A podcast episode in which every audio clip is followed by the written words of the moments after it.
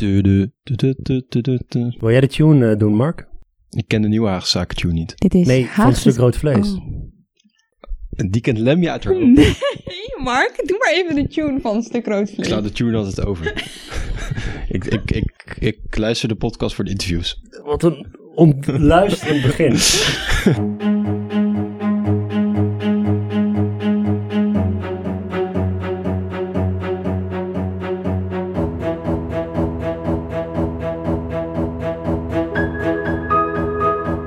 Dag allemaal, welkom bij de Stuk Rood Vlees podcast. Mijn naam is Armen Akverdian, politicoloog aan de Universiteit van Amsterdam. U kunt ons volgen via Twitter, het Stuk Vlees. U kunt mij volgen via Hakverdian of neem een kijkje op stukroodvlees.nl. U kunt zich abonneren op deze podcast via allerlei apps en laat dan ook een rating of een review achter. Mijn gasten van vandaag zijn Lemja Aharouai en Mark Lievisse Adriaanse, beide werkzaam als politiek journalist bij NRC. Lemja en Mark vertellen openhartig over hun werk als journalist op het Binnenhof en ik vroeg ook of ze konden uitleggen hoe ze precies te werk gaan bij het schrijven van bijvoorbeeld reconstructies van belangrijke gebeurtenissen. In de show notes zal ik linken naar twee van die stukken. Eh, eentje over de coronacrisis, waar Mark samen met Dirk Stokmans een tegel verwon. De ander over de werkwijze van het kabinet Rutte 3 van Lemja samen met Petra de Koning en Philip de Wit-Wijnen. Ik denk namelijk dat er eh, meer parallellen bestaan tussen journalistiek en sociale wetenschap dan veel van ons eh, denken. We staan ook stil bij de toenemende druk op de persvrijheid in Nederland, zowel vanuit de hoek van radicaal rechts als vanuit de overheid. Veel plezier met Lemja Aharouai en Mark Lievisse Adriaanse.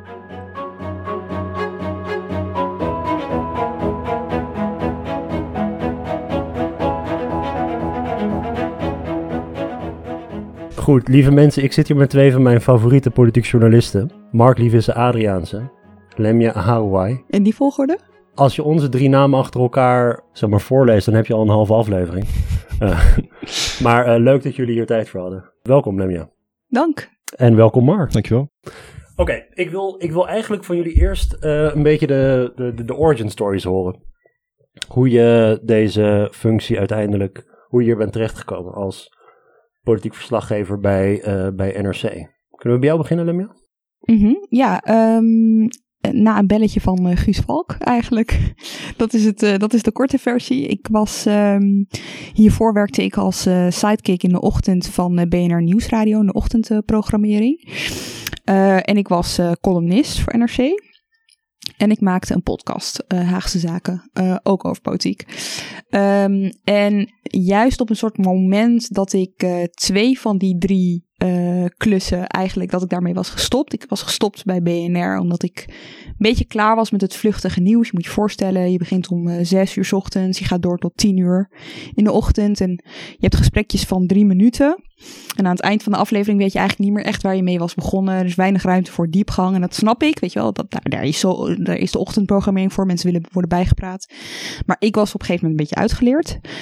En ik stopte tegelijkertijd ook met de column in NRC. Omdat ik een beetje klaar was met meningen geven, oordelen geven. ehm, en omdat ik me een beetje zorgen begon te maken over de functionaliteit van die mening. Of in ieder geval hoe mensen het heel groot maakten op het moment dat je een mening had. Er, ontstaat, er zit een soort hele industrie achter, weet je wel, talkshowtafels. Als je wil kun je er ontzettend veel podia mee pakken, maar ik was er een beetje klaar mee, merkte ik gewoon zelf. Dus ik was eigenlijk een soort van werkloos. Ik had alleen nog eh, Haagse zaken. Ik was een beetje aan het nadenken wat ik eigenlijk wilde. En toen eh, belde Guus. Eh, die zou vanuit Washington, die was klaar als correspondent. Die zou chef worden op de Haagse redactie. En die vroeg, wil je mee? Toen dacht ik, ja, dat wil ik eigenlijk wel. Heb je journalistieke opleiding gedaan? Nee, ik heb een pretopleiding gedaan. Ik heb communicatie gedaan op HBO-niveau. Eh, dat waren vier eh, schitterende jaren waarin ik weinig heb hoeven doen aan mijn studie, maar wel veel dingen ernaast kon doen. Ik heb bij de Landelijke Studentenvakbond gezeten. Ik heb bij een lobbykantoor gewerkt. Dus ik heb allerlei dingen ernaast kunnen doen. En je hebt aldoende heb je het journalistieke ambacht heb je, eh, geleerd. Ja, um, nou, ik ben ooit begonnen als stagiair bij BNR Nieuwsradio. Omdat ik toen nog dacht dat ik lobbyist wilde worden. En um, tijdens het schrijven van mijn scriptie, dat was het lobbybeleid voor de HTM hier in Den Haag, de openbaar vervoerder. Maar goed, nogmaals, het was niet echt een heel uh, lastige opleiding. Dus ik had wat tijd, nodig, uh, wat tijd vrij naast mijn scriptie. En ik dacht, goh, als lobbyist is het heel handig om te weten hoe werkt de nieuwscyclus. En hoe breek je daarin? Ja. Uh, hoe zet je het nieuws naar je hand eigenlijk? Hè? Hoe, hoe oefen je daar invloed op uit? En ik ben ook echt met dat verhaal uh, bij BNR binnengelopen. Uh, ik ben gewoon extra stage daar gaan lopen. En daar hadden we zoiets van, ja, goh, we hebben hier stagiairs nodig, kom maar binnen. En ja, ik moet zeggen, ja, ik vond het in één keer fantastisch. Ik dacht, dit is wat ik wil doen. Ik kan gewoon uh, vragen stellen. En, en was je niet, toen Guusje belde van kom werken bij de Haagse redactie, dat je dacht... Um, hier, dit kan ik, of hier ben ik niet voor opgeleid? Of dacht je meteen, dit is eigenlijk wat ik wil? Oh, ik heb eigenlijk nooit gedacht, hier ben ik niet voor opgeleid. Want ja, ik dacht, uh, ik ben wel nieuwsgierig naar hoe het gaat in Den Haag. Ik Ja. volg de politiek op, op de voet. Um, dus nee, ik heb nooit, ik, da, dat is niet een vraag die ik mezelf ooit heb gesteld. Nee. Nee. Had ik dat moeten doen? Nee, nee, nee, helemaal niet. Nee, omdat ik, ja goed, um, Mark, jij, uh, hoe zit het bij jou? Jij hebt wel een journalistieke... Ja, ik heb um, oorspronkelijk HAVO gedaan. En ik wist altijd wel dat ik journalist wilde worden. Dus ik, ja, ik ben ooit begonnen op de VWO en toen afgestapt naar de HAVO. En dat vond ik wel prima, omdat ik dacht van nou, dan kan ik een jaar eerder journalistiek gaan studeren. En dan ben ik een jaar eerder journalist. Um, dus ik ben na de HAVO ook uh, naar de school voor journalistiek gegaan in Utrecht. Dat heb ik een jaar gedaan. En daar gillend weggerend met een propenduis onder de arm. Omdat ik op een gegeven moment, ik kreeg daardoor van als ik journalist wil worden, moet ik misschien geen journalistiek gaan studeren. Um, Ja, dat is een beetje de achtergrond van mijn vraag ook. Van wat um, leer je dit nou op school of leer je het aldoende? Of leer je het via eerst een, weet ik wel, politicologie of sociologie of iets anders te studeren en daaromheen gewoon goed te zijn in schrijven, nieuwsgierig te zijn, gedreven te zijn? Ik denk dat um, heel veel van de mensen die nu, of die onder de 40 zijn en bij NRC of de Volkskrant werken, wel uiteindelijk journalistiek gedaan hebben, maar de UvA. Uh, dus de, de bekende UvA-master daar. Um, er zijn echt heel veel mensen in de media die dat gedaan hebben en die via die master uiteindelijk ook ergens terechtgekomen zijn. En ik ben daar één van. Um, dus ik denk dat, en dat als ik kijk naar mijn jaar daar, er zaten mensen in met hele verschillende achtergronden, van psychologie tot ja, volgens mij ook wel economische dingen, biologen, maar iedereen wilde uiteindelijk journalist worden, maar had ja, eigenlijk een voet tussen de deur nodig en nog gewoon uh, ja, skills of, of vaardigheden uh, en ervaring. En daar was die opleiding goed voor. Dus ik denk dat dat een manier is die heel veel mensen uiteindelijk benutten, waarbij hun andere academische opleiding een soort fundament is. En ook een soort fundament is voor misschien, ja, intellectuele ontwikkeling of zo. En ze dan via die master proberen in de journalistiek terecht te komen. Nou, dat heeft bij mij gewerkt. Mijn plan was, hey, ik heb na HBO heb ik politicologie gedaan in Leiden. Um, en toen heb ik uh, nog een master politieke filosofie gedaan. Maar ik wist wel van ja, ik wil de journalistiek in. Maar ik voelde me na die master absoluut nog niet klaar om de journalistiek in te gaan. Ik was denk ik 22. Um, dus ja, dan ben ik alsnog journalistiek gaan studeren met het idee, daar zit een stage in bij een dagblad. Hopelijk lukt het om bij NRC stage te gaan lopen. Uh, en hopelijk op de politieke redactie, want die stage zou samenvallen met de verkiezingen van 2017. Nou, dat is gelukt en toen ben ik eigenlijk niet meer weggegaan. Maar toen ben je op je 23ste. Ik ben om 23 in dienst In plaats van je 22ste. Ja, ja, dat is een enorm verschil. Nee, ja, en ik weet ook niet of ik er klaar voor was. Uh, ik weet ook niet of je dan kan weten of je er klaar voor bent. Maar ik heb toen die master ook niet afgerond. Um, en ben gewoon ja, in het diepe gesprongen, zeg maar. En wilden jullie altijd al bij NRC werken? Of waren er andere uh, kranten, mediaorganisaties? Nou, als kind wilde ik sportjournalist worden. Zoals heel veel kinderen, denk ik. Uh, die ben journalist nou wilde last worden. van gehad? Jij wilde geen voetbalverslaggever nee, worden? nee, Okay. Ik ook niet. Nou, dat leek me echt fantastisch. En inmiddels zou ik dat nu niet zo gauw meer doen. Maar uh, ja, gaandeweg mijn studietijd ook een abonnement genomen op de krant. Toen dacht ik van ja, daar zou ik in Nederland wel willen werken. Ja, ik, was, ik ben echt van de NRC Next generatie. Toen dat heel erg opkwam en een eigen manier van nieuws brengen had. Um, inmiddels zijn die kranten echt hetzelfde. NRC Next en NRC Handelsblad. Maar er is een tijd geweest dat dat wel echt verschilt van elkaar. En ik vond het altijd wel een toffe krant. Hoewel ik altijd wel ontzettend veel binnen hoe, dat bij jou was, uh, Mark. Maar ik zag heel veel verschil tussen Next en Handelsblad. Dat was ook zo. Maar ik zag Handelsblad echt een beetje als een elitaire krant voor ontzettend slimme mensen, zal ik maar zeggen. Hm. En um, ja, eigenlijk zijn het gewoon hele gewone mensen die er werken. Ik ben denk ik te jong om Next echt meegemaakt te hebben. Ehm, dus dat zat al een Dat beetje... is heel confronterend. Nou, voor mij niet. Nee, nee, dat kan ik me Eh, dus nee, ik ben van 94 en toen ik ging studeren was Next, het bestond nog wel, maar naar mijn idee was het al minder echt meer het, het, het autonome krantje dat het daarvoor was, zeg maar. Dus ik heb ook nog wel net de pers meegemaakt. Die las ik altijd wel. Dat vond ik een goede krant. Ehm, en ik heb gewoon op een gegeven moment een digitaal abonnement genomen, omdat ik de columns van Caroline Gruiter en Tommy Amees wilde lezen. En ja, er zitten eh, dat zijn acht stukken per week of per maand. En je kan er vier gratis online lezen. En de hele tijd Ctrl-P. eh, wat nu natuurlijk absoluut niet meer werkt, eh, moet ik daarbij zeggen. Ehm, Hmm. Is ook zo wat. Dus toen ben ik een abonnement gaan nemen. En toen met de zaterdagkrant erbij. En ja, dus voor mij dat verschil tussen Next en Handelsblad heb ik nooit echt ondervonden of zo. Omdat het ook toen ik in dienst kwam, waren het gewoon dezelfde kranten. Kregen jullie vroeger NRC thuis? Nee, wel, mijn ouders lazen vroeger Rotterdams Dagblad voor de, voordat het AD werd. Toen de Volkskrant en toen Trouw. En inmiddels lezen ze NRC. En de Gorkumse Courant kregen ze ook. Het is mijn allereerste eh, krant geweest waar ik voor werkte. Ik wilde ook even met jullie wat meer ingaan op hoe je werkt als journalist. Ik heb zelf de laatste vijf, zes jaar ben ik ook steeds meer gaan beseffen dat eigenlijk wat ik aan de universiteit doe, wat veel mensen van onderzoek aan de universiteit doen, en, en veel journalisten, dat dat eigenlijk een soort van hetzelfde, hetzelfde balgame is eigenlijk. Er zit niet zo heel veel onderscheid tussen, vind ik, als dat sommigen eh, denken. En ik ben benieuwd hoe jullie te Waarom werk niet? gaan eigenlijk. Nou ja, kijk, ik, ehm, ik denk dat op, op, op een bepaalde manier we allemaal, eh, of je nou in de journalistiek of aan de universiteit werkt, een soort van waarheidsvinding ehm, doen. Wat is er gebeurd? Waarom is het gebeurd? Ja. En ehm, ik denk dat er veel eh, vakgebieden zijn op de universiteit die ook journalistieke methodes hanteren, voor, for lack of a better word. En in de journalistiek zie je ook steeds meer een beweging richting bijvoorbeeld meer data-gedreven zaken, wat, wat, wat ook weer heel erg in de buurt komt van wat, wat meer kwantitatieve sociale wetenschappers doen. Maar ik ben benieuwd hoe jullie bijvoorbeeld, ehm, als je zo'n reconstructie moet schrijven, jullie hebben dat allebei, hebben, hebben jullie daar veel van gedaan. Ehm, hoe ga je precies te werk? Wat zijn je, je methodes die je hanteert? Wat zijn de materialen die je gebruikt?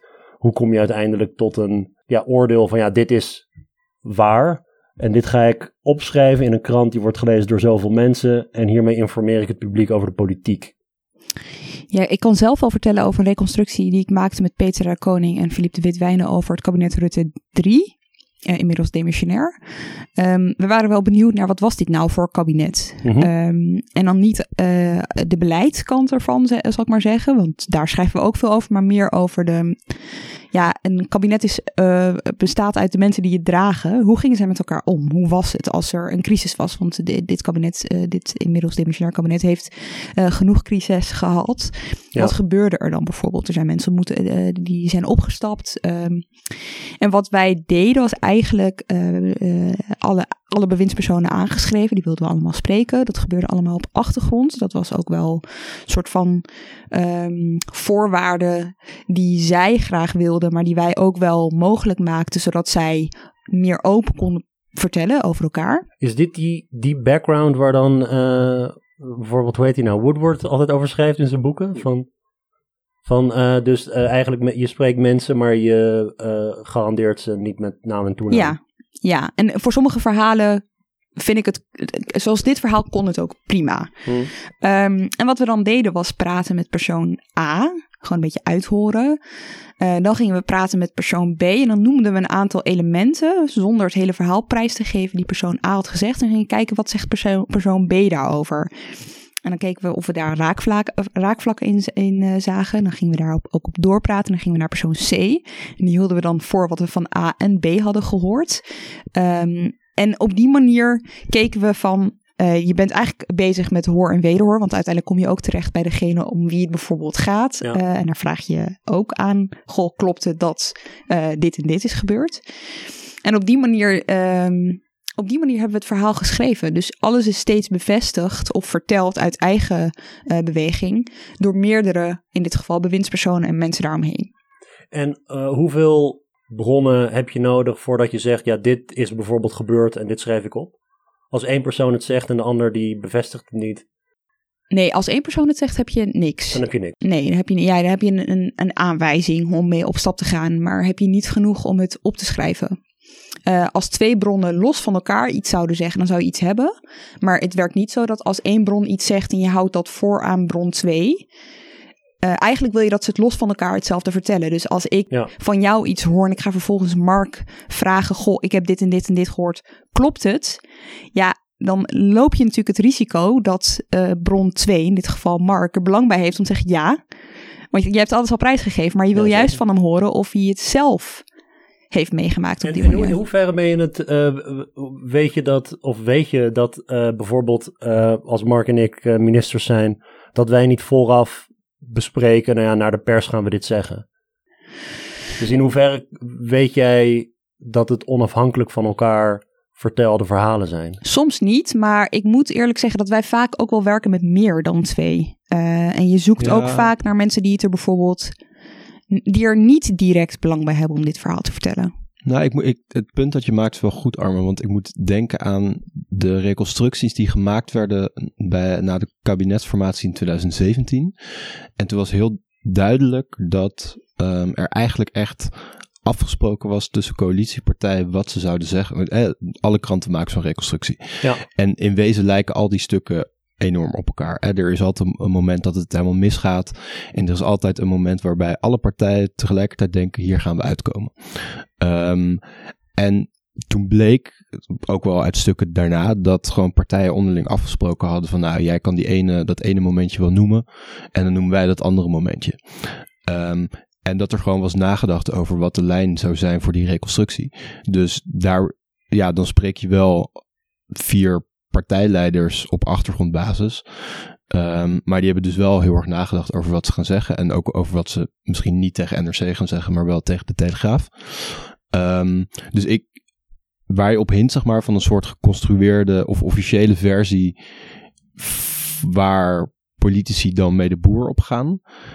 Ehm, ik denk dat het wel goed is om je daarvan bewust zijn dat het wel kan voorkomen. Ik denk niet dat dat altijd voorkomt.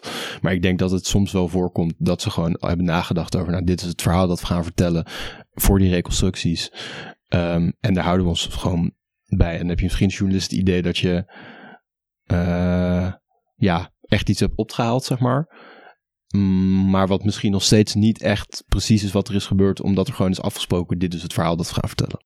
Maar je hebt natuurlijk, je, je, je zou die er misschien, zeg ik nu weer als leek, of als iemand die misschien ooit de ambitie heeft om journalist te worden, maar iemand die voornamelijk journalistiek kent van films.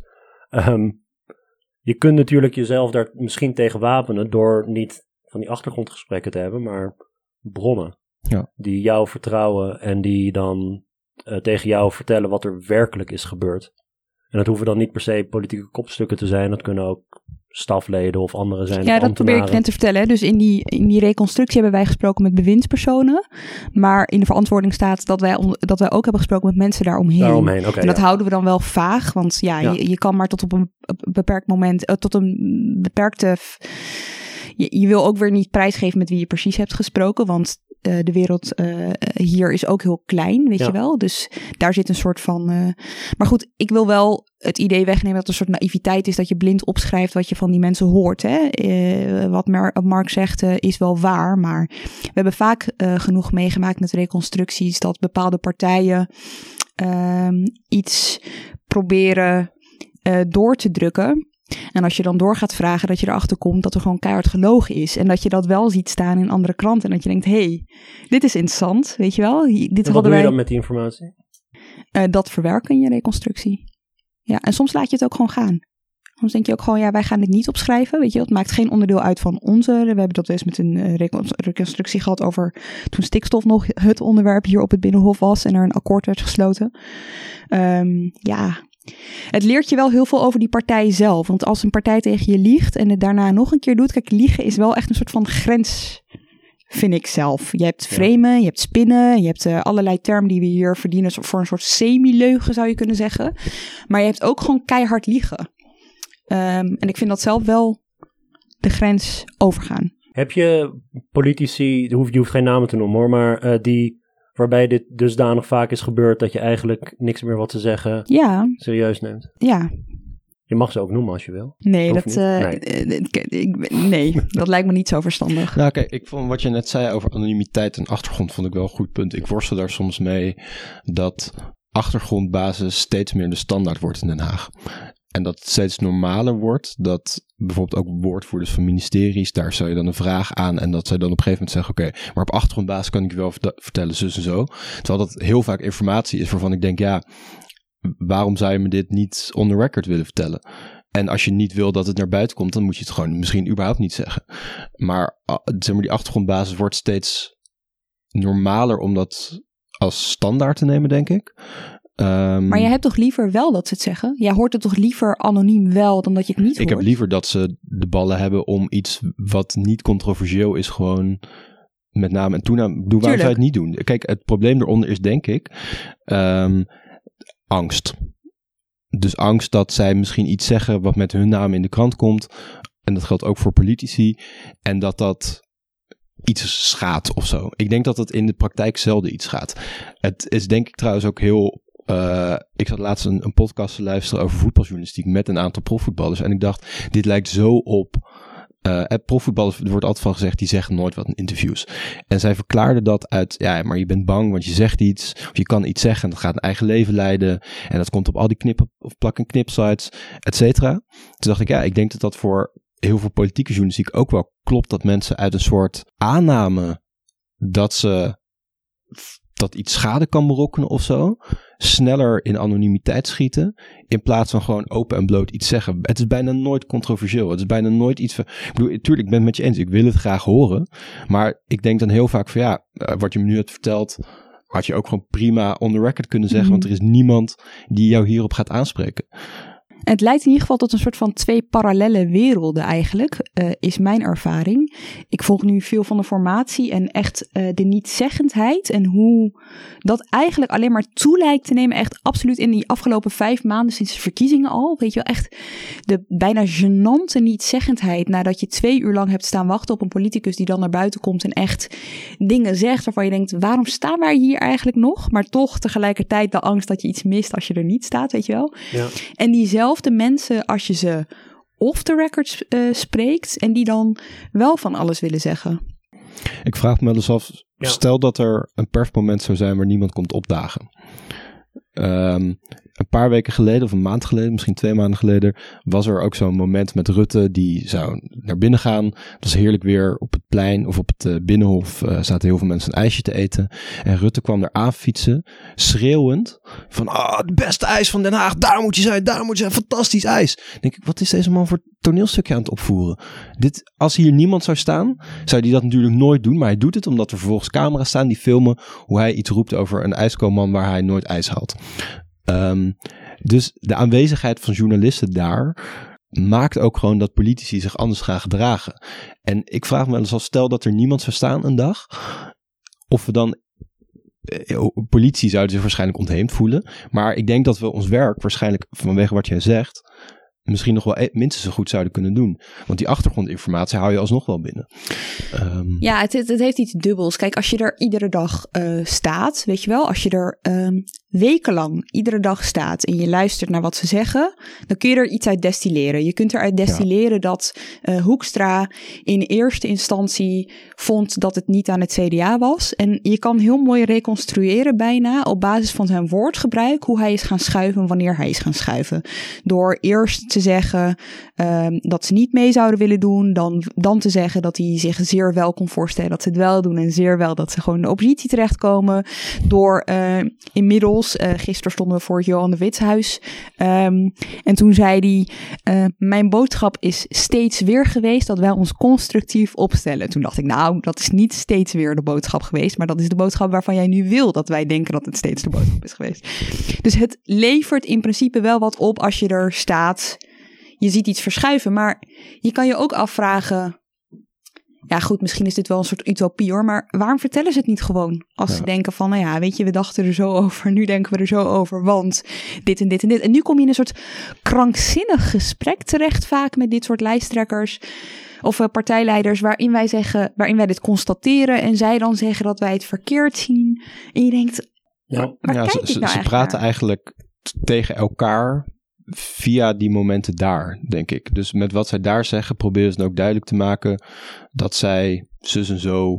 Uh, proberen ze naar andere partijleiders duidelijk te maken dat zij er op een bepaalde manier ook in staan of zo, denk ik. Ze, ze creëren steeds een, een soort nieuwe werkelijkheid van dat moment, waarin ze ook aan geschiedvervalsing doen. Want zo hebben nou we het altijd gedacht. Ik, ik zou uh, toch, ja, hier zie ik ook weer raakvlakken. Je hebt gewoon als journalist ja, waarschijnlijk.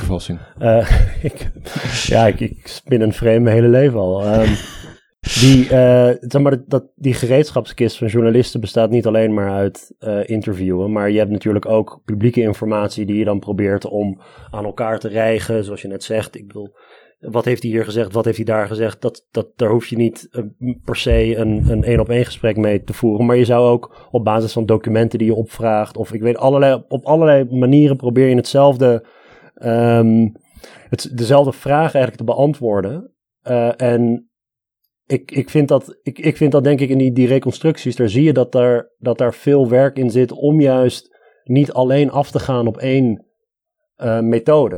Er zijn meerdere methodes waarmee je aan, de werk, aan, aan, werk, uh, of ja. hoe zeg je dat in het Nederlands? Nee, twee dingen daarover. Uh, het eerste is, het is misschien wel goed Mark, als jij uitlegt, jullie reconstructie van jou en Dirk Stokmans over corona is wel een heel andere reconstructie geweest dan wat wij hebben gedaan over het kabinet. Weet je wel, bij ons ging het uh, over omgangsvormen, zal ik maar zeggen. Mhm. En daar bleek bijvoorbeeld dat Rutte vrouwen niet liet uitpraten. Of uh, dat uh, Rutte een vaste stramien heeft van volgorde in de ministerraad, zodat hij eerst een paar keer mensen aan het woord laat die het altijd met hem eens zijn, zodat daarna de eerstvolgende die het oneens met hem is, het iets moeilijker heeft, weet je, dat soort zaken. Maar dat is wat anders dan keihard laten zien hoe is Nederland omgegaan um, in de coronacrisis die eerste maand, het kabinet. Maar het tweede is, wat jij zegt op basis van documenten opvragen, goed, daar kan Mark meer over vertellen, maar dat is steeds moeilijker. Dan doe jij op de WOP, nou die WOP, uh, vooral waar het VWS bijvoorbeeld betreft, of het ministerie van Justitie, dat gaat niet vanzelf. Dus moet je het voor een groot deel ook gaan doen op wat er gezegd wordt. En als dat wat gezegd wordt voor een groot deel niet-zeggendheid is, of een soort van steeds nieuwe waarheden, de, waarheden die gecreëerd worden, wat heb je dan eigenlijk nog? Ja, die reconstructie um, over het coronabeleid, de eerste fase van het coronabeleid, was ook, dat besloeg ook een periode die langer was dan alleen. Um, ja, goed, nou, was een lange periode. zes maanden en wat, uh, we zaten er middenin. Dus op het moment dat wij daar begonnen in maart 2020, wisten we niet waar we naar keken, wisten we niet of we iets gingen doen over een periode van twee maanden of whatever. Terwijl eh, als je een, een reconstructie hebt van een kabinetsformatie of van een kabinet, dat je achteraf doet, weet je dat is iets anders. Hè? Je gaat achteraf reconstrueren. Wij reconstrueerden eigenlijk waar we op dat moment in zaten. En wat, wat op dat moment gaande was. Um, en hebben tot, nou ja, het stond volgens mij 16 juni of zo in de krant. Tot een paar dagen daarvoor dingen nog, ja, nieuwe gebeurtenissen meegenomen en gereconstrueerd. Dus die werkwijze is anders. Dat is meer een soort levende geschiedschrijving, denk ik. Ja, dan, precies. Dan, maar dat vind ik ook, zo'n zo'n zo'n verhaal over omgangsvormen in het kabinet is uiteindelijk ook levende geschiedschrijving, ergens. Want, ja, maar het is, de manier van werken is anders. Ja, dat, dat, is het. Uh... Het is wel interessant uh, om, om te vertellen, Mark, hoe, hoe jullie dat hebben gedaan. Dus uh, jullie belden gewoon iedere week. Ja, we hadden, ik, ik wilde net eigenlijk zeggen, ik denk dat, ik, ik zie wat jij ik zie jouw overeenkomsten, zeg maar, maar ik denk dat journalisten vaak intuïtiever werken en minder gestructureerd dan sociale wetenschappers. Um, maar voor die reconstructie hebben we wel vrij gestructureerd gewerkt, ondanks dat we niet echt wisten waar we mee bezig waren, zeg maar, hadden we wel een idee van hoe we het precies wilden doen. Dus wij hadden gewoon een lijst mensen, uh, ja, een netwerk, een bronnennetwerk van mensen die we elke week spraken. En het voordeel daarvan was dat um, heel veel mensen ja, ik heb bepaalde mensen misschien tien uur gesproken over een periode van twee maanden. Terwijl als ik achteraf met die mensen was gaan zitten, had ik misschien een uur gekregen. En als ik ze lief aan had gekeken, nog een keer een uur. Um, en dan hebben mensen in hun hoofd al bewust of onbewust de gebeurtenis ingekaderd, geframed. Um, en nu, maakte, nu spraken we mensen op het moment dat het gebeurde. Dus ik kan de emotiewisselingen van een huisarts laten zien of van een ziekenhuisbestuurder uh, over die periode. Um, en daar hadden we vooraf wel, nou ja, vooraf, daar hadden we wel in zekere zin over nagedacht. Van joh, we gaan gewoon mensen vaak spreken en dan zien we wel wat er uitkomt. En gaandeweg, toen we echt meer een idee kregen waar we mee bezig waren en wat we wilden gaan maken, hebben we ook een soort ja, ui gemaakt.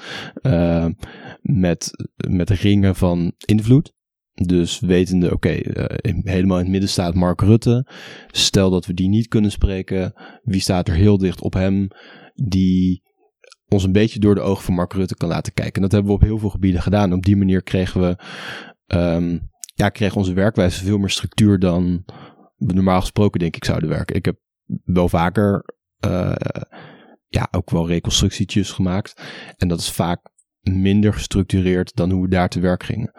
Uh, maar ja, dat was daar ook wel nodig, denk ik. Omdat het, ja, het gebeurde terwijl we ermee bezig waren. Nou, je hebt, je hebt in, de, uh, in, in de sociale wetenschap, wetenschap in het algemeen, heb je de laatste jaren een uh, vrij revolutionaire stroming richting um, transparantie, openheid, replicatie. Ja. Dus het is een vorm van verantwoording afleggen naar je lezers. Uh, dat je laat zien hoe je bent gekomen tot je conclusies. En, dat zie je in de journalistiek ook wel. Hè? Je ziet de laatste jaren heel vaak bij stukken over dit artikel. Of verantwoording, waarin dan staat: voor dit artikel hebben we gesproken met zus, zus en zo. En ja. om deze Veel reden meer dan zijn jaar geleden. mensen anoniem gebleven, bijvoorbeeld, of zo. Weet je wel? Dat, dat, dat leg je uit. Ja. Dat Maar dat is ook de lezers. Veel Want meer jij dan zei tien net, jaar geleden. nou, ja, want, want bijvoorbeeld, de, jij zei net eh, dat er een beweging is richting misschien meer eh, van die achtergrondgesprekken. En dat is natuurlijk een vorm, dat kan een vorm zijn van het vertroebelen van verantwoording. Ja. Ehm, niet dat je meteen eh, je bronnen bij elkaar hoeft te liegen, maar het is weer één stap verder van je Ja. openlijk kunnen verantwoorden. Maar tegelijkertijd gebeuren veel van dit soort verhalen waarschijnlijk. Of mensen die treden alleen naar buiten op het moment dat je ze eh, Ja. een bepaalde vorm van bescherming biedt. Dus het is heel moeilijk om je te verantwoorden. En, Dat, maar, dat, maar dat is het dilemma, denk ik. Omdat steeds meer mensen die interessant zijn voor zo'n verhaal alleen op achtergrondbasis willen praten. En tegelijkertijd, ze hebben daar soms legitieme redenen voor. En tegelijkertijd weten ze ook dat ze ermee wegkomen. Omdat wij die mensen nodig hebben. Ehm, het valt mij soms in ja, eh, ouderwetse journalistiek op hoe open en eerlijk mensen waren. Of hoe hard de dingen waren die mensen soms zeiden. Eh, dat ik dacht, nou, tegenwoordig zou zo'n iemand dat op achtergrondbasis misschien ook gezegd hebben. Maar dus op achtergrondbasis.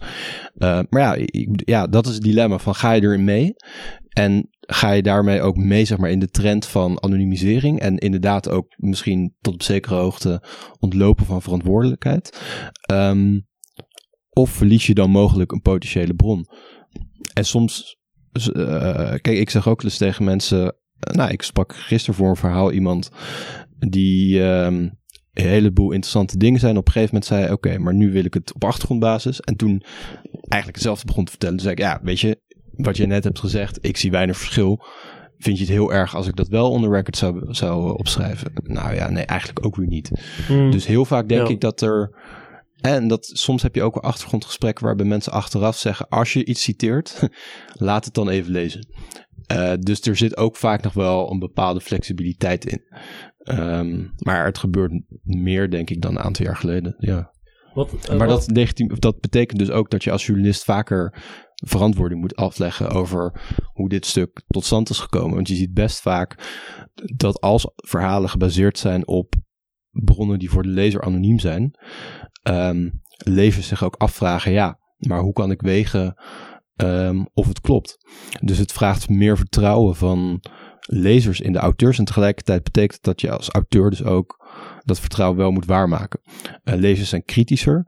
Eh, ik kan me een stuk herinneren van een aantal jaar geleden van de sportredactie. Dat ging over de jeugdopleiding van Feyenoord. Waarvan heel veel Feyenoord supporters zeiden... Ja, ik geloof er niks van, want niemand is... eh, of iedereen is anoniem. En ja, die journalist kan natuurlijk niet zeggen van... joh, ik heb die en die gesproken, dus het klopt wel. ja. Lezers zijn er kritischer over. En dat betekent dat je dus als journalist zuiverder te werk moet blijven gaan. Maar ook vaker verantwoording moet afleggen over waarom je voor, bepaal, ja, voor een bepaalde methode hebt gekozen. Ehm, Soms, soms lukt een, een verhaal gewoon ook niet. Kijk, ik, ik schrijf veel over het CDA. Daar is eh, veel gerommel geweest de afgelopen maanden. Dat zal niemand zijn eh, ontgaan. allemaal ehm, gemist. Mijn ervaring is dat je gewoon veel verhalen niet kunt schrijven. als je mensen met naam en toenaam wil eh, spreken. En dat het wel kan op het moment dat je spreekt over. Nou, ik, ik kan. Ik, ik, ik kan het woordgebruik inmiddels echt wel dromen, weet je wel. Klinkt in het CDA, zeggen bronnen uit het CDA-top. Dan denk ik van, oké, ik heb twee keuzes. Of ik onthoud de lezer ehm, dit verhaal, over wat er gebeurt in het CDA op dit moment.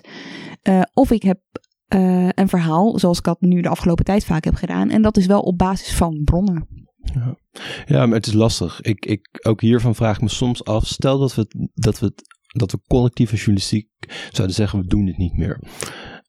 We doen wat niet meer? Anoniem of achtergrond. Soms denk ik van. Um, uiteindelijk hebben ze ons nodig en uh, keren ze ook wat terug van, van een zekere lafheid die er soms is, of angst of verkramping. Maar aan de andere kant, partijen hebben hun eigen media, voetbalclubs hebben hun eigen tv-kanalen. Dus ze hebben ons in zekere zin ook niet meer nodig. Ja, maar partijen um, willen niet dat jij schrijft over ellende in hun eigen partij. Dus zij zouden kiezen voor dat scenario, dan precies, maar niet. Dus maar dat maak ik dus gebruik het, ja. van bronnen om uiteindelijk wel te kunnen schrijven, mhm. hopelijk geïnformeerd, mm -hmm. uh, over wat er wel gebeurt. Weet je wel? Dus je zou kunnen zeggen, ik, um, ik, ik blijf mijn werk doen als politiek verslaggever, uh, of journalist moet ik zeggen. Um, maar politici interview ik niet meer, omdat je de hele tijd, zeker de hooggeplaatste, gewoon de ministers en zo, kapot gespindokterd, um, niet zeggend, voorspelbaar. Je kunt die gesprekken dromen. Ja, er is soms, van waar. Uh, soms is interviews in de krant bijvoorbeeld met een politicus. Absoluut. Het is 9 um, van de 10 keer totaal oninteressant. Maar de drempel en, is wel hoog hè, voor ons. Ik bedoel, wij, ik bedoel, als ik kijk naar onze redactie, is de drempel best wel hoog om om echt een politicus uitgebreid te interviewen. Precies om deze reden ook. Precies om deze reden. Dus we hebben een soort van, volgens mij een beetje ongeschreven regel ja.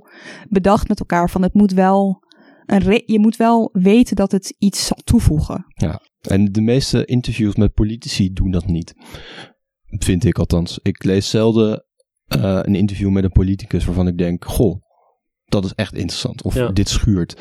En het is heel leuk om het wel te doen. Lemia en ik hebben daar ervaring mee met een zekere D66-leider. Wat wij een fantastisch interview vonden om af te nemen. Um, wat volgens mij ook gewoon echt een goed interview is geworden. Wat wij journalistiek zuiver hebben opgeschreven.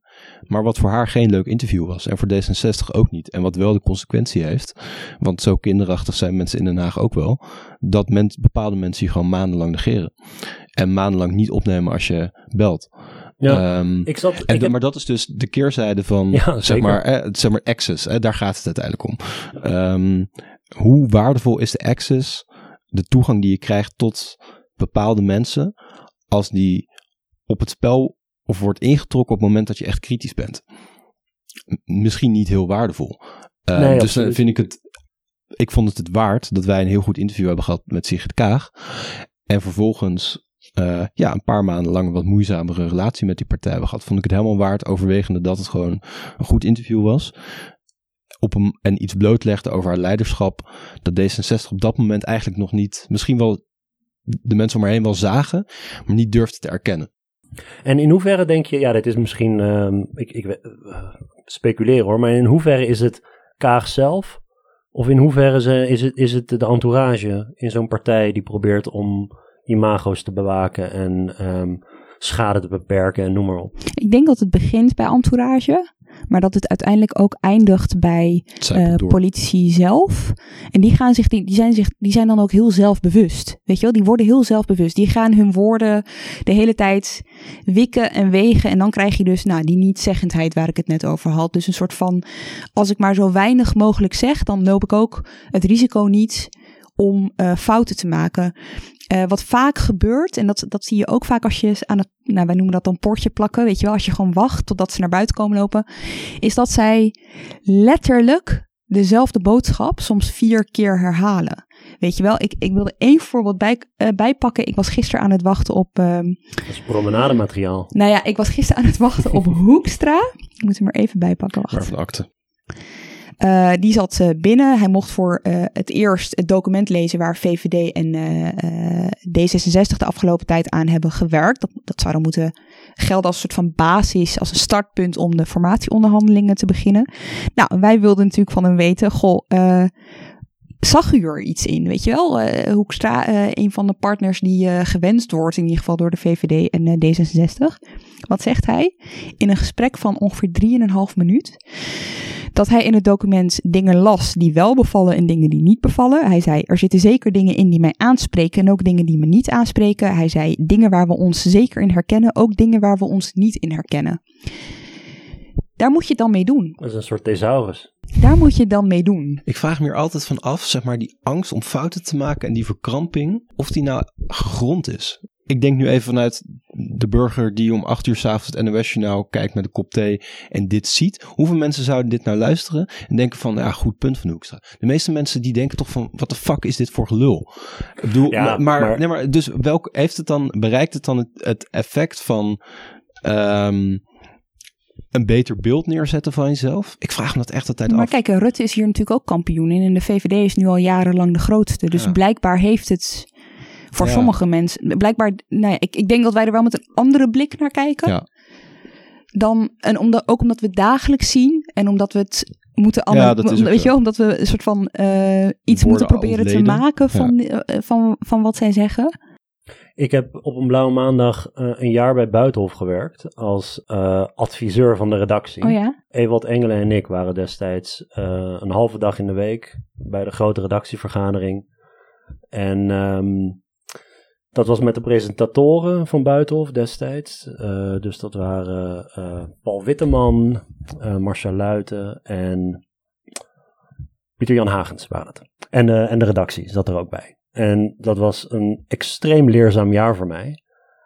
En het heeft er ook trouwens aan bijgedragen dat ik denk dat de grenzen tussen sociale wetenschap en journalistiek niet zo heel erg ehm, sterk zijn. En sterker nog, dat heel veel van mijn collega's best wat journalistieke intuïtie mogen gebruiken. Want het was echt vreselijk moeilijk om daar dus te proberen om je academische kennis toe te passen op wat gebeurt er die week. Maar een van de eh, terugkerende gesprekken die steeds werden gevoerd in die redactievergaderingen ging over de kunst van het politieke gesprek en het interview. En je had een beetje een, eh, binnen zo'n redactie heb je natuurlijk verschillende denkwijzes en verschillende personen. Maar voor sommigen in die redactie is het ondervragen of het interviewen van een eh, persoon met verantwoordelijkheid, dus een minister, is eigenlijk waarom je buitenhof maakt. Je wilt een minister aan tafel, je wil de macht kunnen eh, aanspreken en ondervragen. En anderen die zeggen, ja, op het moment dat je dat doet, kan je uittekenen wat het gesprek gaat worden. Je hebt er geen, geen bal aan.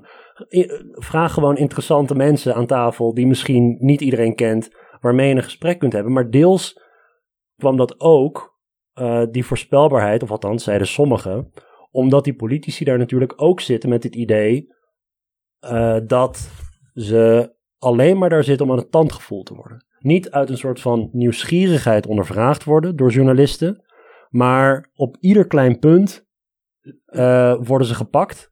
Of wat heb je te winnen als politicus uiteindelijk?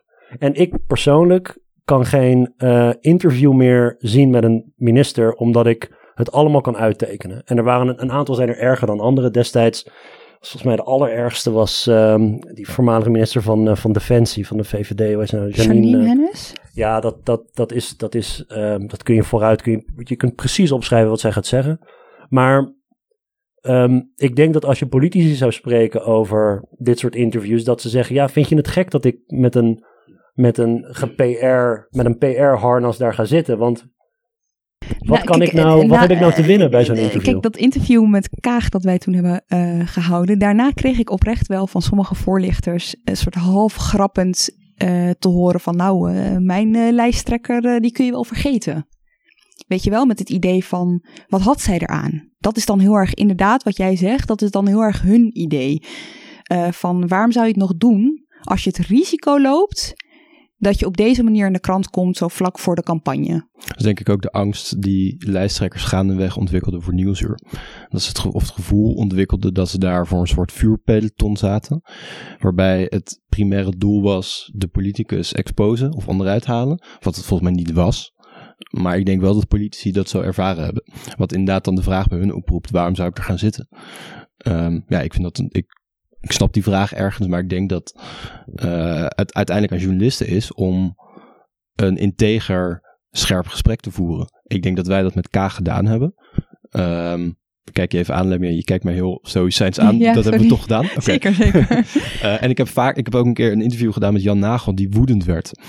Ehm, maar volgens mij was het uiteindelijk een scherp en integer interview. En ik had die woede totaal kunnen uitventen. Eh, dat heb ik een heel klein beetje gedaan. Omdat ik merkte dat het, dat het, het goed was voor het gesprek.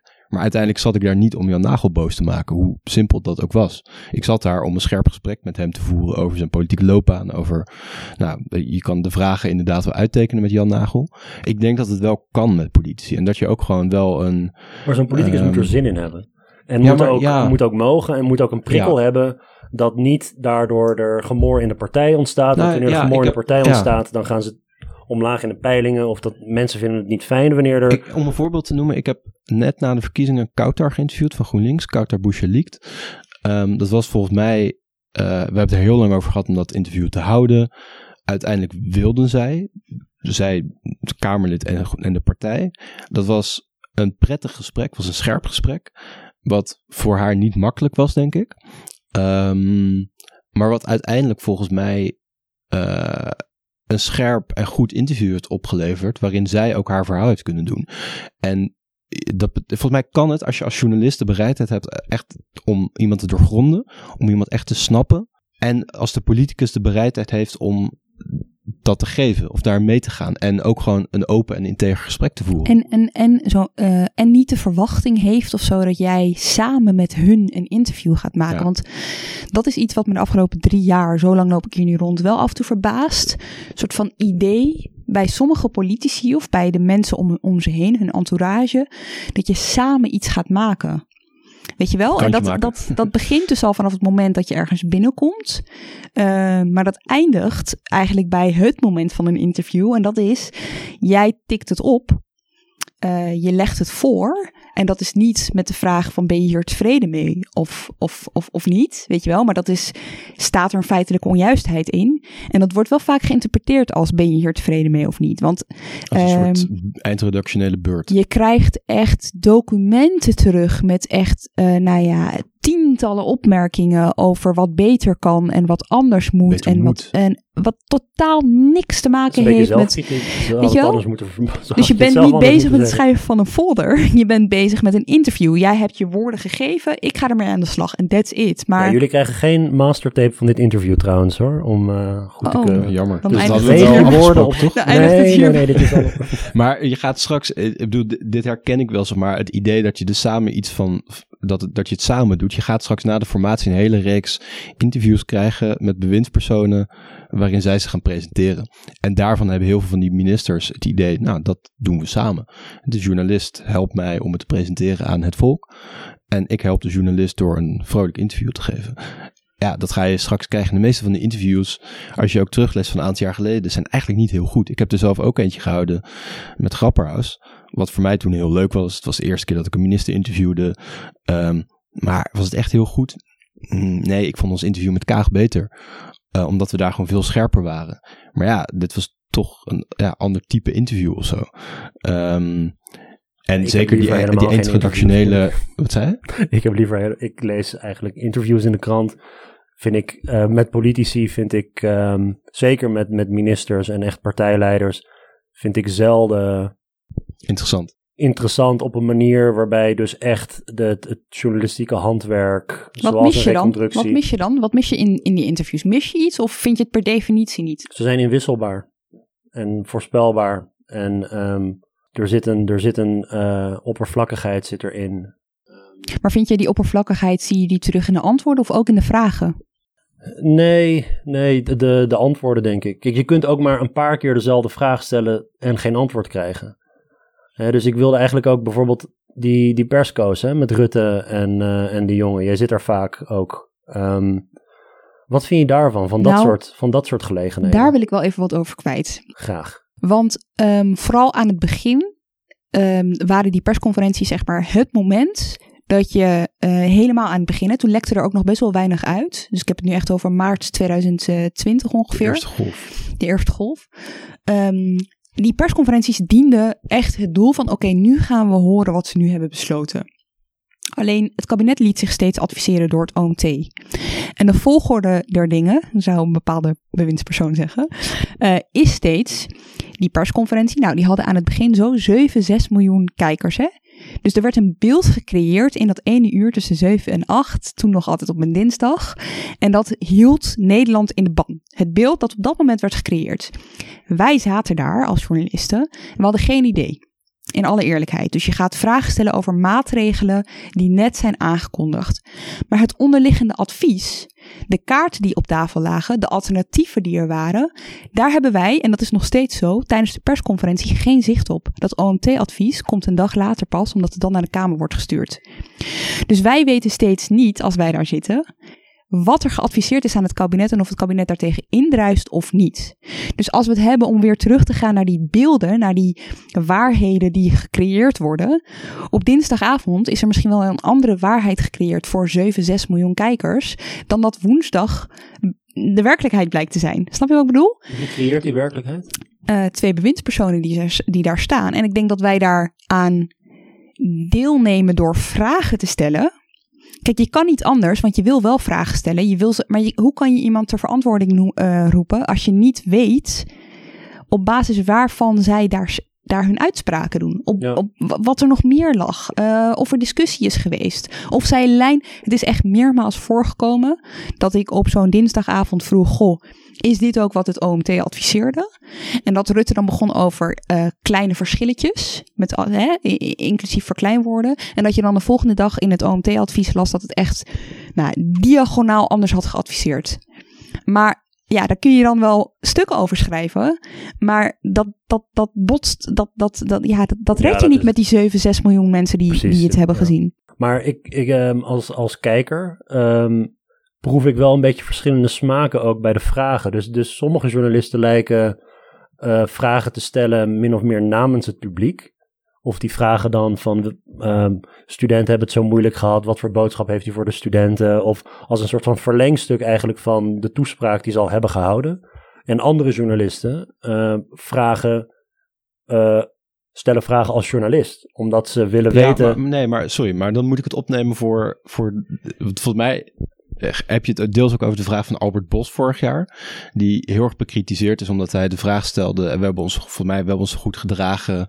En nu krijgen we dit. Eh, nog geen. Nee, maar ik heb het nee, maar, maar dat, dat, was een leuk momentje natuurlijk. Nee, maar dat is wel, dat is een, het is een relevant moment. Omdat staat het symbool voor iets. Het staat symbool voor iets, namelijk dat um, in de ogen van heel veel mensen hij daar een belachelijke vraag stelde. Terwijl hij, zijn functie daar is een, denk ik uiteindelijk anders ja, ik twijfel even over de precieze bewoording. Maar hij, is, hij verschilt van de journalisten die als achtste of negende aan het woord komen. Um, hij nee, stelt daar dat een vraag namens 7 miljoen kijkers. En een heel groot gedeelte van die mensen um, heeft weinig interesse in de vraag waar precies de verschillen zitten met het OMT-advies. Wat voor ons heel relevant is, wat relevant is, wat journalistiek relevant is, omdat we de macht moeten controleren. Dat doen we met dat soort vragen. Maar heel veel van die mensen willen primair weten, nou, ik heb hem goed gedragen de afgelopen tijd. Waarom dan alsnog een, uh, geen versoepeling? dus ik snap heel goed dat het, het rolverschil tussen bepaalde media um, heeft ook gewoon te maken met uh, ja, wie je, je, je publiek is. Dat begrijp ik. Ik begrijp ook dat er allemaal strategische overwegingen zijn. Dat op een gegeven moment uh, stopt de tv met uitzenden en gaat het op internet verder. En dan wordt het voor mij interessant. Wordt het meestal pas interessant. Um, ja. Maar uh, om even terug te komen op wat jullie hiervoor zeiden over voorspelbare antwoorden, niet zeggende antwoorden. Op het moment dat jij als journalist namens het publiek een hele algemene vraag stelt, dan geef je Rutte of de jongen natuurlijk de gelegenheid om twee, drie minuten lang gewoon hun verhaal te doen. Wat ze eigenlijk al verteld hebben tijdens die toespraak. Kijk, ik begrijp waarom het gebeurt. Maar het is wel een ander soort insteek dan de vragen die als achtste, negende worden gesteld. En dat bereikt het grote publiek niet, wil jij zeggen? Ja. ja nee, dat ben ik met je eens. Ik vind dat heel veel, uh, dat de volgordelijkheid der dingen eh, heel vaak de vragen die als laatst gesteld worden, dat ik denk van nou, die zou ik eigenlijk wel een keer als eerst willen zien als er nog, nou het zijn tegenwoordig 3 miljoen mensen kijken. Nou, dan wordt het meest interessant en dan zie je dat ze geïrriteerd raken.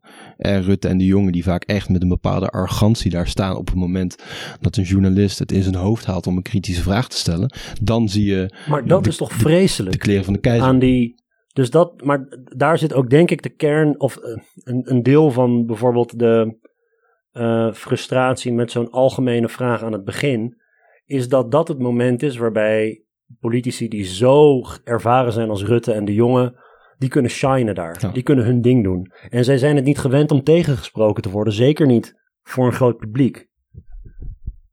Ja, dat ben ik met je eens. En tegelijkertijd denk ik, vraag ik me af in hoeverre ehm, of dit een vraag is die wij als hoogopgeleide Precies. Ehm, ja, nou, meer of em, ja, eh, eh, nieuwsconsumenten die bovengemiddeld veel lezen, die bovengemiddeld ook kritisch zijn op het kabinet, denk ik, beroepsmatig ook, of we die meer stellen dan een gemiddelde kijker die naar Spanje op vakantie wil en denkt, ik heb hem toch goed gedragen, hoe zit het?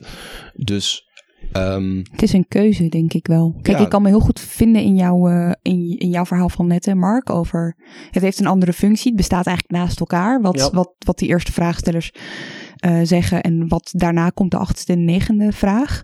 Tegelijkertijd is het ook een keuze om dat op die manier te doen. zeker. Want je kan ook op Ja. het moment dat het live is, gewoon huppakee in één keer erin. Doet RTL eigenlijk, hè? Precies, RTL doet dat wel, weet je. Dat is soms ook de eerste vraagsteller. Het is een soort NOS-RTL. De ene, de ene keer vraagt, stelt de ene de eerste vraag en de andere keer de ander. Eh, maar je kan je afvragen, kijk, de, eh, de NOS heeft ook een bepaalde taakopvatting. Die moet een hele brede groep ehm, Ja, bedienen. Ja, ik Ehm, vind dan dus- blijft het een keuze, maar het is een soort van... Ik heb het er wel eens over gehad met NOS-journalisten. En die zeggen van ja, eh, als zij... Ze stellen de eerste vraag die bij jou opkomt als jij die persconferentie bekijkt. Of niet misschien bij jou zelf, Armen, maar bij een brede groep mensen. Ja, ik, ik, ik worstel of ik dat dan niet heel erg eh, denigerend en neerbuigend vind naar het electoraat dat recht heeft op informatie om verantwoorde keuzes te maken in het stemhokje. Ehm, ik weet niet of, of ik, ja, ik weet oprecht niet of dat daadwerkelijk is waar de mensen op zitten te wachten, zo'n vraag. Ik Of ben er ook niet over uit hoor. Nee. Of dat ze het meest baat hebben bij eerlijke vragen. Waarbij inderdaad, als het zo is dat Rutte daar grashard staat te liegen, glashard staat te liegen. Dat het OMT min of meer hetzelfde heeft geadviseerd en hij niet. Waarom dat dan de negende of de tiende vraag is in zo'n persco. Dat dat juist waardevolle informatie is voor 5, 6 miljoen mensen. Nee, dat ben ik met je eens. Ehm, maar dat, ja, kunnen we een boeiende discussie over vals bewustzijn over voeren. Eh, wat, wat willen mensen echt? Over vals bewustzijn gesproken. Ehm, Oh, Nee, dit is een, een compleet onhandig bruggetje. Ehm, eh, wat ik erin ga laten, omdat ik me graag kwetsbaar opstel. Ehm, nee, ik wilde, Oké, Armen.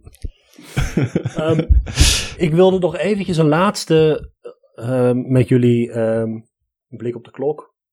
Ja, een snelle vraag. Heb je nog? ja hoor.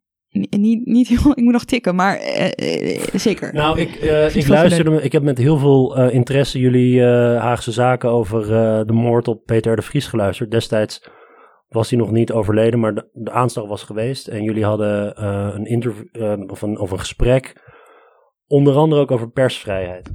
En ehm, jij vertelde, Mark, dat jij het afgelopen jaar hebt gemerkt dat jouw werk aanzienlijk moeilijker is geworden. Je hebt te maken met intimidatie, dreigementen. Ehm, ik vraag me, ik, ik wilde van jullie ook, ook een beetje weten hoe het nou met die, met die persvrijheid in Nederland, hoe die gesteld is. Ehm, dus die persvrijheidsindexen en zo, daar staat Nederland altijd super hoog. Zoals Nederland altijd erg hoog staat op allerlei lijstjes. Maar zelfs in dat soort verslagen van NGO's proef je toch het afgelopen, de afgelopen jaren een bepaalde ehm, druk op de journalistiek, op de vrije pers. Uit radicaal rechtse hoek, ehm, maar ook vanuit de overheid met het woppen en, en transparantie en zo. Wat merken jullie, ehm, zeg maar in de korte tijd dat jullie zelf actief zijn als, als politiek journalist, maar wat merken jullie van die persvrijheid onder druk? Ehm, nou, ik denk dat er heel veel verschillende ehm, facetten zijn of, of factoren die druk zetten op, op de persvrijheid in meer of mindere mate. Ik denk dat de overheid daar in heel veel opzichten. ehm, dat de overheid in heel veel opzichten het moeilijker maakt voor journalisten om aan echte waarheidsvinding te doen. Bij wij, bijvoorbeeld met eh, de inperking van de WOP of de, de interpretatie daarvan. Ehm, met eh, je kan nog zo, zulke goede vragen stellen aan sommige departementen, maar gewoon geen antwoord krijgen of geen echt antwoord krijgen. Ik zie dat ook als ehm, een zekere belemmering van het werk van journalisten. Het is een andere belemmering dan een steen door de ruit. Maar het is uiteindelijk denk ik wel een vorm van eh, belemmering van het werk van journalisten. Ehm, ik denk dat, ik bedoel, gewoon letterlijk intimidaties spelen een rol. Ehm, de NOS die niet meer met de, de NOS op de bus door, door het land rijdt, is daar een heel bekend voorbeeld van. Dan is het als schrijvende journalist altijd iets makkelijker, omdat je iets minder goed herkenbaar bent als zijnde NRC-journalist. Ik heb geen NRC-trui aan of zo als ik uh, de straat op ga. Um, dus dat, dat heb je. Je hebt, nou, wat denk ik dat wordt ook wel in die rapport altijd genoemd, de, concentratie van mediamacht in Nederland. Door ja, eigenlijk hoe twee Belgische eigenaren een groot gedeelte van de Nederlandse dagblad, dagbladpers in handen hebben. Um, mijn salaris wordt ook betaald door een van die media-eigenaren.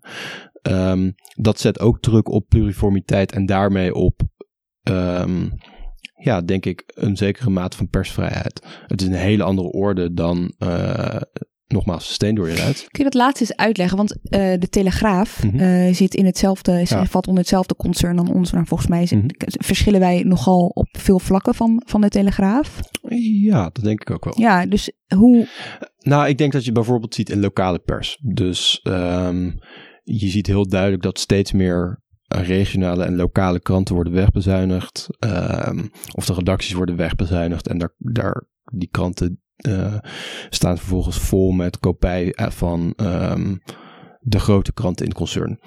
Um, eh, onze stukken kunnen ook zomaar in een lokale krant terechtkomen. En dat is ergens goed, omdat dat betekent dat, dat die lokale krant iets makkelijker mensen kan vrijmaken om de lokale onderwerpen aan te pakken. En tegelijkertijd is het een afkalving van uh, ja, de, de, de kracht van lokale kranten. Um, dus ik denk dat dat meespeelt. Ik denk dat, nou ja, zoals ik zei, ik ben ooit begonnen bij de Gorkopse Courant. Die had een redactie nog met één redacteur die alles moest doen. En dan een paar ja, onderbetaalde freelancers als ik, die een paar leuke stukjes schreven. Maar controlefunctie was er niet er werd, de macht werd daar niet gecontroleerd. Terwijl dat wel bij een enorm concern zat. Waar miljarden in omgingen. Waarvan ik dacht, ja, weet je. In plaats van ook dit jaar weer een, flink bedrag uh, uit het bedrijf te trekken naar de aandeelhouders. Zou je het ook verder kunnen investeren in echte. Um, lokale journalistiek. En tegelijkertijd weet ik ook dat zonder een aantal van die eigenaren. Uh, misschien een aantal dagbladen niet meer hadden bestaan. Dus dat is ook het ingewikkelde ervan, denk ik. Kijk, ik merk nooit iets uh, en dat is natuurlijk vaak het vermoeden van veel mensen dat wij bepaalde dingen moeten schrijven of zo. Ik heb nooit enige redactionele inmenging gevoeld. Um, is dat reglementair vastgelegd? Waarschijnlijk wel. Ja, maar je, er zijn natuurlijk heel veel vormen van ja, informele druk te, te bedenken. Uiteraard. Ja. Uh, en ik denk dat dat in Amerika vaker schuurt met echt corporate media.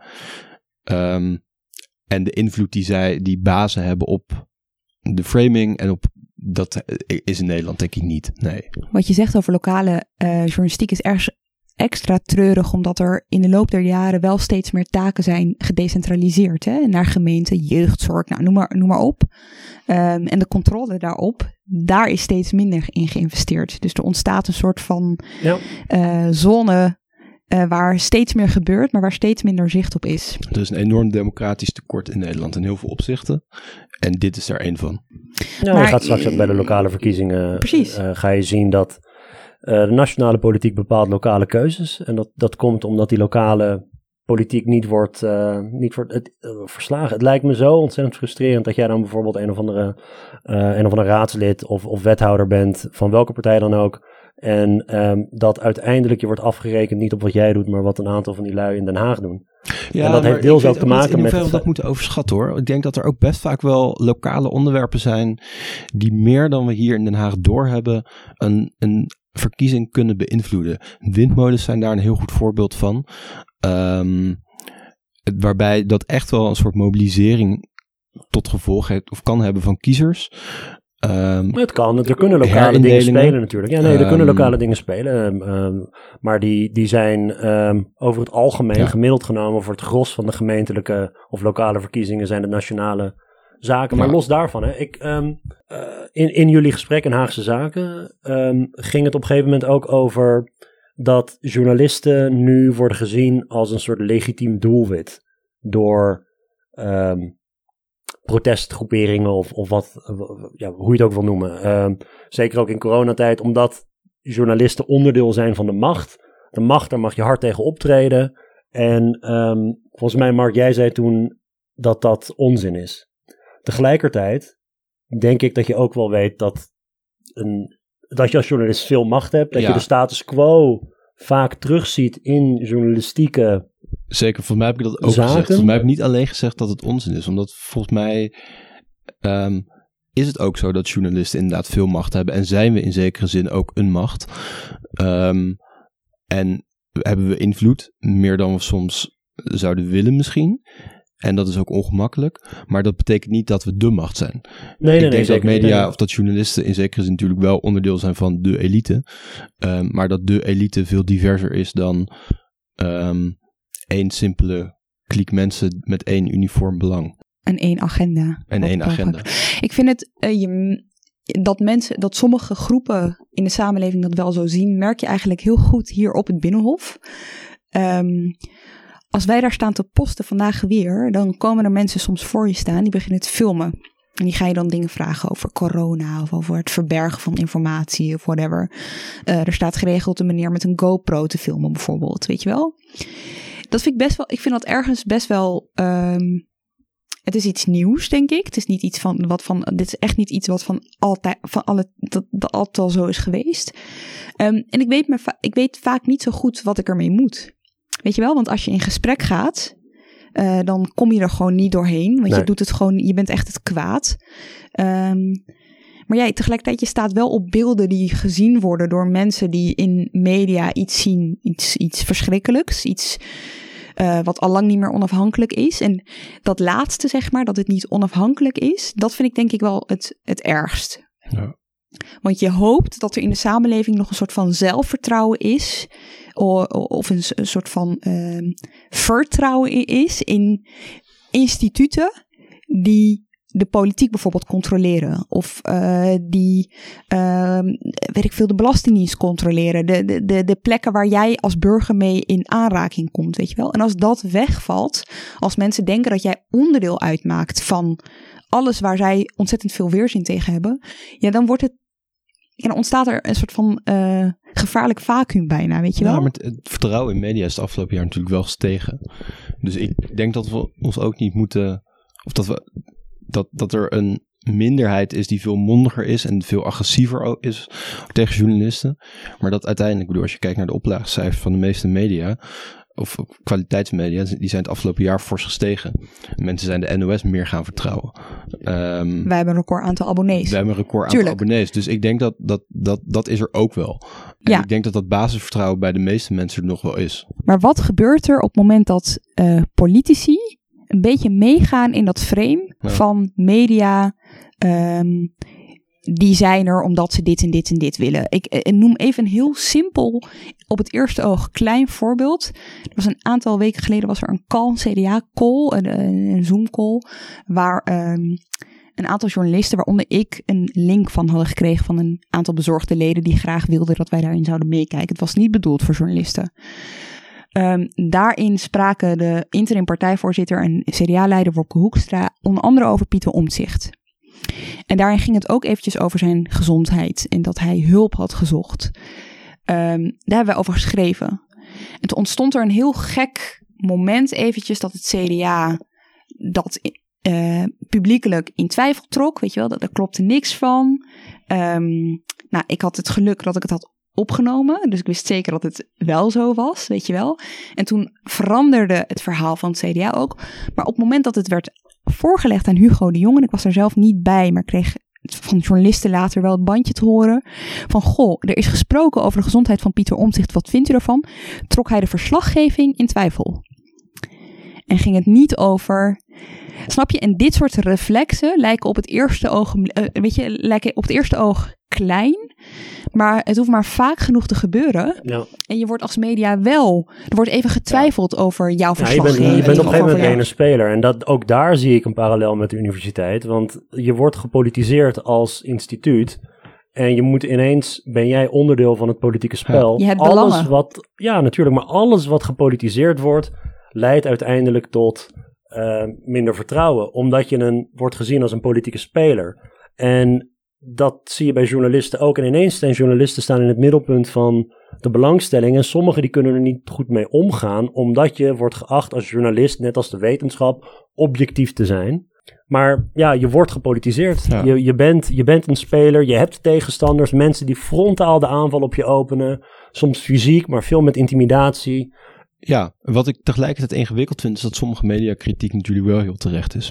Ik vind heel veel um, mediakritiek op corporate media in Amerika en de rol hoe zij um, ja, consent uh, gefabriceerd hebben voor bijvoorbeeld de Irak-oorlog. Heel terecht. Um, en het ingewikkelde is dat je dat sommige mediakritiek heel zuiver is en heel terecht. En juist ook omdat het dat, dat uh, financiële belangen dat, dat, speelt dan voornamelijk in Amerika. En de ideologische belangen die daaruit voortvloeien, goede journalistiek kunnen tegenhouden. Um, dus juist vanuit liefde voor journalistiek kan je ook hele terechte mediakritiek hebben. Dat is wat anders dan uh, de jongen die meteen verslaggever verdacht maakt. Um, maar ik vind niet elke mediakritiek per definitie. Nee, natuurlijk niet. Nee. Um, ja, zit soms wat in.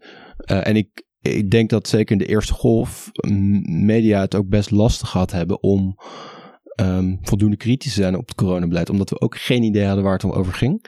Ik niemand van ons had dit ooit meegemaakt of als epidemioloog. Um, en talkshows gingen er ook in mee dat zij bewindspersonen aangeboden kregen door het kabinet. Om uit een soort ja, oranje gevoel het kabinet aan het woord te laten. Ja, daar heb ik ook wel problemen mee.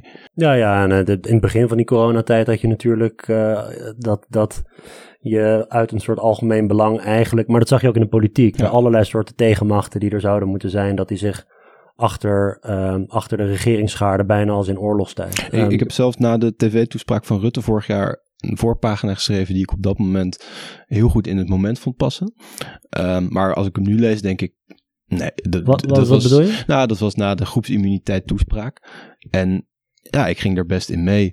En dat kwam ook omdat ik zelf op dat moment veel daarover had gelezen al. En dat debat speelde in het Verenigd Koninkrijk bijvoorbeeld al best sterk. Um, maar ja, en er zat ook een bepaald oranje gevoel in. En over solidariteitsgevoelens in de samenleving. En dat het eigenlijk, ja, de ondertoon was: we doen dit samen. Ja. En dat is eigenlijk niet mijn taak om dan zo'n stuk te schrijven. Ik had ook een stuk kunnen maken van wat Rutte nu zegt, betekent dat er x aantal doden gaan vallen. Um, was misschien wel beter geweest. Had misschien minder goed in het moment gepast, maar het was waarschijnlijk wel betere journalistiek geweest. Het bestaat, echt... sorry, het bestaat toch allebei? Ja, je hebt toch, tuurlijk, maar... zeg maar, je hebt verslaggeving. En dat is gewoon vertellen wat er op dat moment gebeurt. En jij schrijft een voorpagina een uur nadat hij, weet je, de krant zakt mm-hmm. twee uur nadat uh, Rutte zijn laatste mm-hmm. woorden heeft uh, uitgesproken. Dan ben je ook over, ik bedoel, de praktijk is ook belangrijk, weet je. Dan ben je ook overgeleverd aan verslaggeving. Al helemaal op dat moment, als je niet niemand wist überhaupt nog iets over dat hele virus. Dus uh, natuurlijk, je kan met de kennis van nu, tussen aanhalingstekens, uh, allerlei wijzigingen uh, die je, waarvan je denkt van, nou, dat, dat had ik beter kunnen doen. Maar ja, Nieuwsuur deed het is, de volgende dag beter. Ja, maar het is wel, ja, de volgende dag. Dus die hadden een dag om te ja. reflecteren. Ja. Ik vind, dat wordt soms wel een beetje vergeten als het gaat ook om ons vak, politieke journalistiek. Als wij een debat verslaan, dan ben je vaak ook gewoon bezig met een debatverslag. Daar probeer je uitspraken te duiden of in een context te zetten. Maar het is ook een verslag, weet je wel? Daar is een, er is een verschil tussen, een, tussen verslaggeving en tussen onderzoek slash um, ja, soms maandenlang onderzoek wat mm. jullie hebben gedaan. Ja, Als zeker, je jullie reconstructie legt naast de verslaggeving die wij in dezelfde maanden hebben gedaan, dan zul je ook verschillen ja. zien. Omdat jullie diepgaand onderzoek konden doen naar hoe iets tot stand is gekomen. Mm. Ja. Uh, dat is wat anders dan een persconferentie volgen en opschrijven in twee uur wat er is gezegd en wat er is besloten, weet je wel. Het is wel goed, ook in mediakritiek, om dat onderscheid wel te maken. Ik vind het soms ook wel erg makkelijk. Vooral in de Twitter-bubbel waar wij in leven. Weet je, op politiek journalistiek wordt ontzettend veel geschoten. Uh, verbaal zeg ik daar maar eventjes bij.